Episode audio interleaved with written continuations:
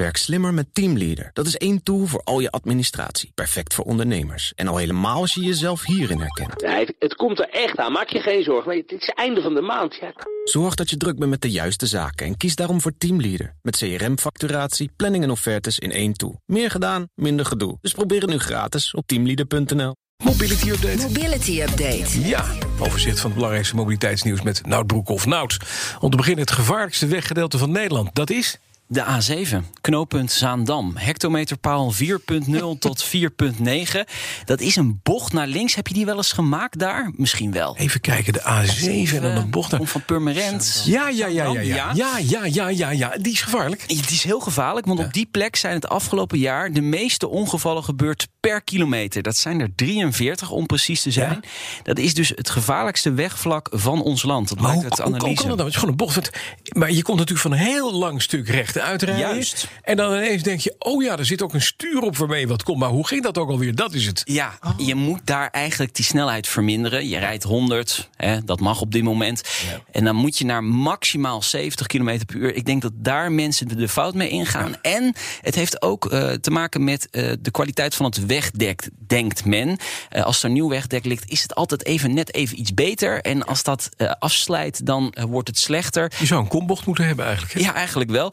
Ehm, het blijkt trouwens uit de analyse van Stichting Incident Management Nederland. Moet ik er even bij noemen natuurlijk. Oké, opgepast dus. A7, Ja. die bocht bij Purmerend, klaar. Ja. Schipholbaas Dick Benschop die pleit nog maar eens voor het doortrekken van de Noord-Zuidlijn. Ja, het is volgens hem echt noodzakelijk Ja. om eh, Schiphol op termijn te ontlasten. Dat zegt hij tegen luchtvaartnieuws.nl. Kijk, het doel is natuurlijk om de, de lokale treinreizigers in Amsterdam in die metro te krijgen naar Schiphol. Zodat je het aantal eh, stoptreinen kunt verminderen.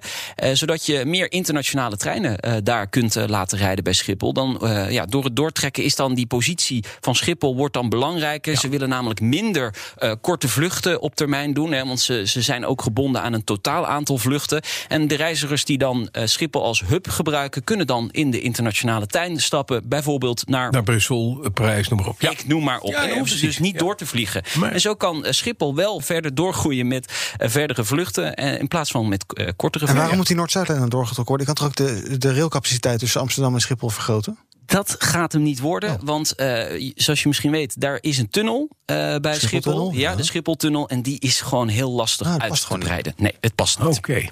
En dan de rijvereniging. Die willen een ander systeem voor betalen voor mobiliteit. Ja. Alweer, daar wordt eens in de zoveel tijd dan roept de rijwet. Hoe kan anders? Er komen verkiezingen aan natuurlijk. Oh, natuurlijk. Het huidige sy- eh, systeem piept en kraakt en sluit op geen enkele manier meer aan op de transitie die de mobiliteitssector doormaakt. Dat zegt eh, Huub Dubbelman, ook eh, ons wel bekend, hè, voorheen bij Mercedes. Hij is nu interim voorzitter van de sectie personenauto's en lichte bedrijfswagens bij de rijvereniging.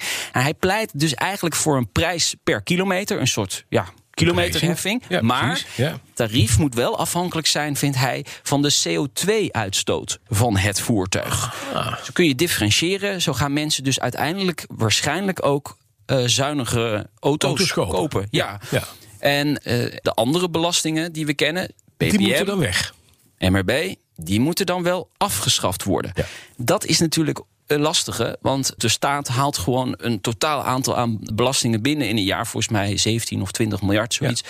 En ja, dat is gewoon vaste inkomsten. Als dus dat wegvalt en je doet dat anders met beprijzing... wil je of hetzelfde krijgen of een beetje meer. Maar dat is lastig, hè? Dus dat, dat, dat overgaan naar dat nieuwe systeem, dat moet dan, ja, dat gaat wel vijf, zes, zeven jaar duren. Ja. Ja. daar moet je dan wel iets voor vinden, zodat je niet eh, de, de overheidsinkomsten ver terug laat lopen. Nee, precies. En dan nog een nieuwtje uit België. Daar vaart sinds deze week een semi-autonoom schip. Ja, DCO heet het, 110 meter De vliegende lang. Belg. Hadden de vliegende Hollander natuurlijk, die doet dat helemaal zelf. Maar de vliegende Belg. Nou, het is wel bijzonder. Het schip vaart namelijk eh, zelf tussen de havens van Zeebrugge en Antwerpen. En dat is natuurlijk het drukste traject Ja. van België.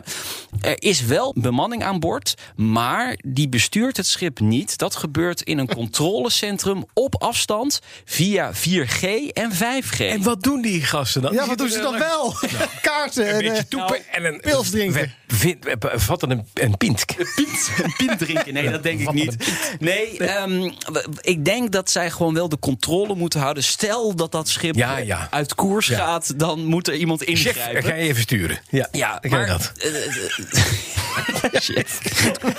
Jos, Jos. Joske. Joske. Joska. Ja. Ja. nee, de komende periode wordt dus gekeken of die bemanning verder afgebouwd kan worden. Dat- Na drie, minimaal drie mensen Ja. aan boord. Ja, en dan heb je toch wel een hoog semi-autonoom gehalte Halte. van een schip. Ik vind, het wel, ik vind het wel een mooie ontwikkeling. Ja, de Tesla Cruiser. Dus binnenkort, kan, binnenkort kan je zeggen dat je binnenvaartschipper bent terwijl je gewoon een kantoorbaan hebt. Ja, dat je gewoon vanaf een zit je niet te besturen.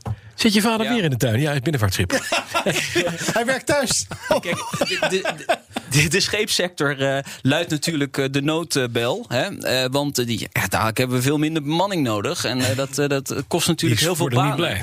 Ja. precies. Dus daarom is deze proef waarschijnlijk ook ingesteld... om te kijken hoe gaat dat nou precies werken op Vallen. lange termijn. Ja.